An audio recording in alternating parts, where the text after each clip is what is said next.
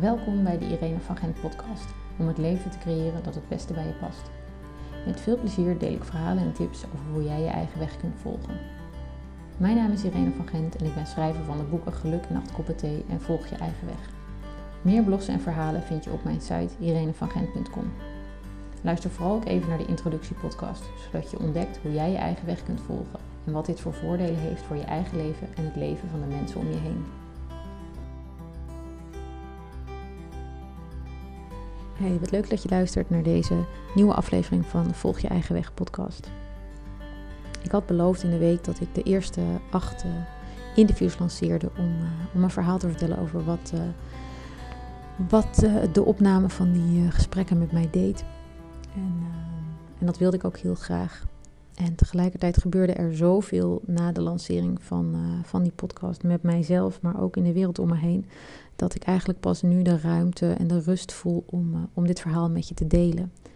En tegelijkertijd is uh, alles wat er in die week gebeurde, dat ik die podcast opnam, ook weer een beetje overspoeld door, um, door wat er in de wereld gebeurde. Um, we kunnen natuurlijk niet om het coronavirus heen op dit moment. Het is vandaag 23 maart 2020 en we zitten al een week uh, thuis met z'n allen. maar eigenlijk niet met z'n allen, want ik zit alleen thuis op dit moment. Um, en dat overschaduwde wel een beetje de lessen die ik leerde in de week dat ik die podcasts opnam. En tegelijkertijd um, kwam er met de, de boodschap dat we de deur niet meer uit mochten. Ook heel veel, uh, maakt, dat maakte natuurlijk ook heel veel bij mij los. Want het grappige was dat het eerste wat ik dacht was. en daar kwamen een paar vloekwoorden bij me naar boven. Maar het eerste wat ik dacht was: Jeetje zeg nou mogen we niet eens meer zelf bepalen wat we mogen doen. Uh, mogen we niet eens zelf beslissen wat we in deze fase uh, met deze situatie doen. Ik word verplicht om thuis te blijven, afstand te houden. Um, en al heel snel draaide dat om uh, ik belde, ik denk dat ik mijn moeder belde en die, die, daar had ik een gesprek mee. En toen dacht ik, ja, dit is ook wat is. Hè? En het is je eigen weg kiezen in hoe je hierop reageert. En daar komt een van de thema's naar boven die tijdens de opnames van die podcast ook heel, daar heel helder voor mij werd.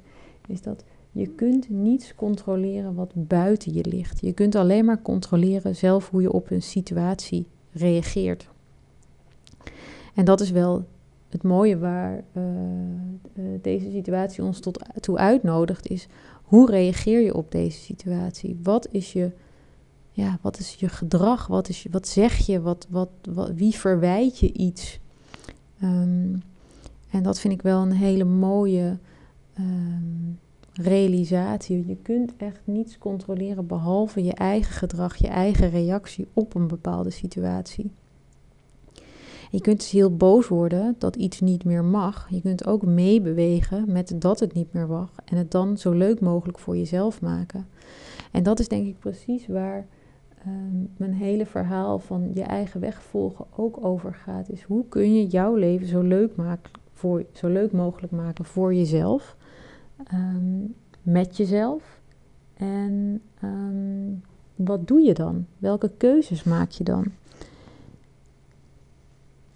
En ik merkte in, uh, in de week dat ik die, uh, die podcast aan het opnemen was, dat ik heel erg verviel in, uh, in oud gedrag. En oud gedrag betekent voor mij heel hard werken om iets gerealiseerd te krijgen. En dat is een, een erfenis van, van mijn jeugd, denk ik. wat ook geen gekke erfenis is, want um, in die tijd dat ik, werd, dat ik opgroeide, um, was hard werken ook bijna de enige oplossing om door de roerige tijden die er toen waren heen te komen. En het feit dat mijn ouders en waarschijnlijk ook jouw ouders zo hard gewerkt hebben, heeft ervoor gezorgd dat wij het leven kunnen leven zoals we het nu leven. In alle vrijheid en met alle rijkdom en overvloed die er is. En dan komen we nu opeens in een situatie waarin die vrijheid misschien een beetje beperkt is. En waarin je misschien het idee hebt dat die overvloed er helemaal niet is. Maar besef je eens in wat voor luxe situatie wij nu zitten. Besef je eens wat een rijkdom je hebt als je met je gezin in je eentje of alleen met je partner in een huis woont. Dat je te eten hebt, dat de winkels open blijven, dat, dat, dat, je, dat er elektriciteit is, dat er internet is, dat je eigenlijk alles kunt, dat je met iedereen in de wereld contact kunt blijven houden terwijl je dus gedwongen thuis zit. Eigenlijk is het magisch wat er nu gebeurt. Ehm, ook al zal het je uh, door allerlei emoties heen uh, geschud hebben. En dat is eigenlijk de, de boodschap, denk ik ook, van, um, van dit hele virus. Uh, is dat het, het, is een, het is een maatschappelijke crisis. Het is een crisis op wereldniveau. Maar eigenlijk is het net zo vergelijkbaar met een persoonlijke crisis als je bijvoorbeeld slecht nieuws te horen krijgt. Of als je op het pad van bewustwording gaat en weer tegen je oude patronen aanloopt. Ook dan komen er allerlei emoties, reacties en, um, en dingen naar boven die je eigenlijk misschien liever niet wilt zien. Want je leven was zo lekker rustig. En tegelijkertijd zit daar de uitnodiging tot groei. Alles wat je nu tegenkomt, alles waar je nu tegenaan loopt, alles wat um, niet uh, lekker loopt nu, kun je gebruiken als een, als een poging om te groeien. En dat is ook wat er bij mij gebeurde toen ik de podcast opnam en allerlei prachtige gesprekken had, gesprekken had met vrouwen die mij zo lieten zien hoe zij hun eigen weg volgen. En dat er, dat er echt bepaalde dingen zijn die, die bij mensen die die keuze maken om hun eigen pad te bewandelen uh, vergelijkbaar zijn. Er zijn dingen die gewoon heel essentieel zijn om dat te kunnen doen. En dat zijn dingen als de natuur ingaan, um, de stilte ervaren, uh, rituelen in je dag uh, integreren. Maar dat iedereen toch het op zijn eigen manier doet en daar uniek in is. En de belangrijkste les die, daarin, die zij mij daar ook in hebben gegeven, is dat je alleen echt maar kunt controleren wat jij doet. En dat jij de verantwoordelijkheid hebt voor het leven dat jij gecreëerd hebt. En dat dat niet alleen zit in, um, in de buitenwereld die je gecreëerd hebt, maar dat die buitenwereld vaak een reflectie is van hoe, jij, hoe je bent en hoe je denkt. En in een van de gesprekken kwam bij mij heel duidelijk naar boven hoe negatief ik nog steeds met mezelf kan praten. En hoe ik uh, zo blind ben voor mijn eigen kracht. Hoe ik zo um, negatief kan zijn over, over dat wat ik doe. Um, ik kan als iets, als iets niet helemaal goed gaat, dan kan ik toch heel hard roepen dat ik het allemaal fout heb gedaan. En zie je wel dat ik er niet mag zijn. En zie je wel dat ik het niet kan. En zie je wel. En um, uh, dat komt in kleine dingen naar voren, als, zoals dat ik gisteren met een breiwerk begon, wat absoluut niet lukte. En ik dacht, zie je wel, ik kan het ook niet. Um, en tegelijkertijd uh, uh, geldt dit ook voor, voor grote dingen in, in mijn leven. Um, terwijl als je kijkt naar de essentie van wat ik doe, um, dat ik ook gewoon met trots en liefde naar mezelf zou kunnen kijken. En dat is um, waar ik mezelf toe heb uitgedaagd dit jaar om um, het hele jaar uh, vol liefde te, te kunnen leven. En als ik mezelf dan weer hoor praten, maar vooral als ik de spiegel van anderen voorgehouden krijg over de dingen die ik zeg en hoe ik ze zeg, dan, dan zie ik gewoon weer hoe streng ik nog voor mezelf kan zijn en hoe, hoe boos ik op mezelf kan zijn als iets niet in één keer goed gaat. En hoeveel ruimte ik anderen geef van als iets niet in één keer goed gaat. Nee, dan probeer je toch nog een keer. Of dat hoort erbij. En, en bij mezelf moet alles maar meteen in één keer goed. En zo kan ik nog wel even doorgaan over alle negatieve dingen die ik tegen mezelf kan zeggen. En die komen natuurlijk voornamelijk voort in situaties dat ik heel veel te doen heb. Als ik stress heb, als ik moe ben, als ik, als ik mezelf ook eigenlijk over mijn eigen grenzen heen ga dan komen dit soort dingen altijd naar boven. Omdat ik dan geen tijd heb om in de stilte met mezelf te zijn. Om in de stilte weer te voelen wat, wat heel erg nodig is voor mij op een bepaald moment. En, um, en daarbij leerde ik dat um, uh, in een van de gesprekken.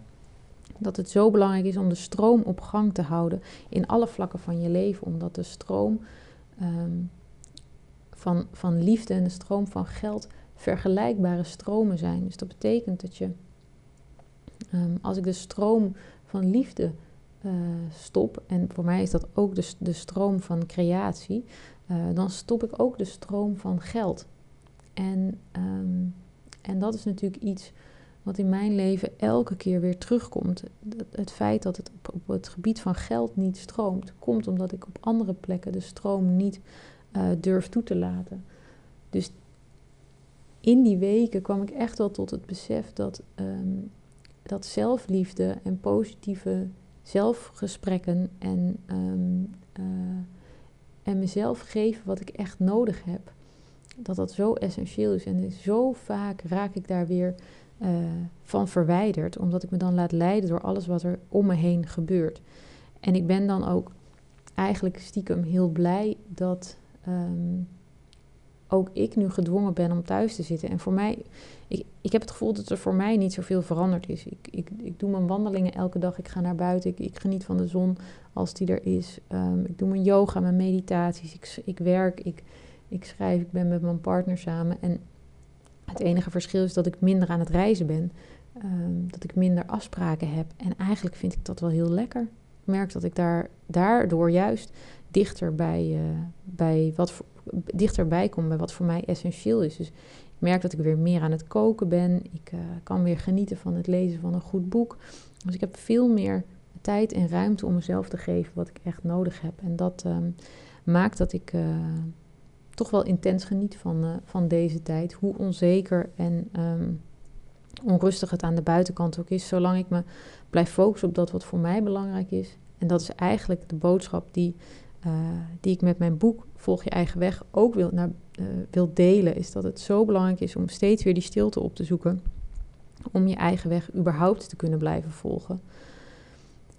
Dus als er één ding is wat ik je mee wil geven. Um, in dit verhaal en, en in wat ik geleerd heb, is um, kijk echt naar wat jij nodig hebt.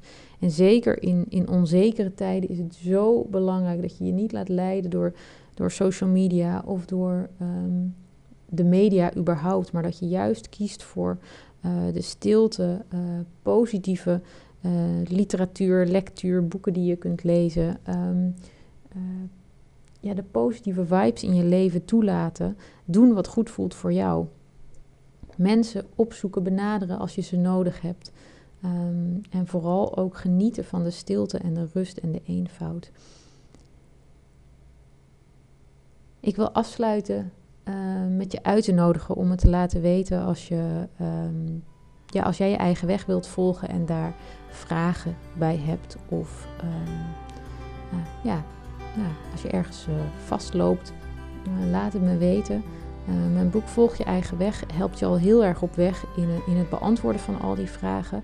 het boek is nu te bestellen. En, en ik, ja, ik wens je gewoon heel veel geluk op het vinden van jouw eigen weg. En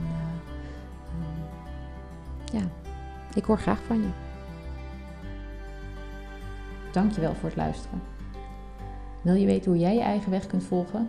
Ga dan naar mijn website irenevangent.com voor nog meer verhalen. Daar kun je ook mijn boek Volg je eigen weg bestellen. Ik wens je een hele fijne dag. Vond je deze podcast leuk? Geef dan een like en deel hem met je vrienden. Dan inspireren we steeds meer mensen om hun eigen weg te volgen.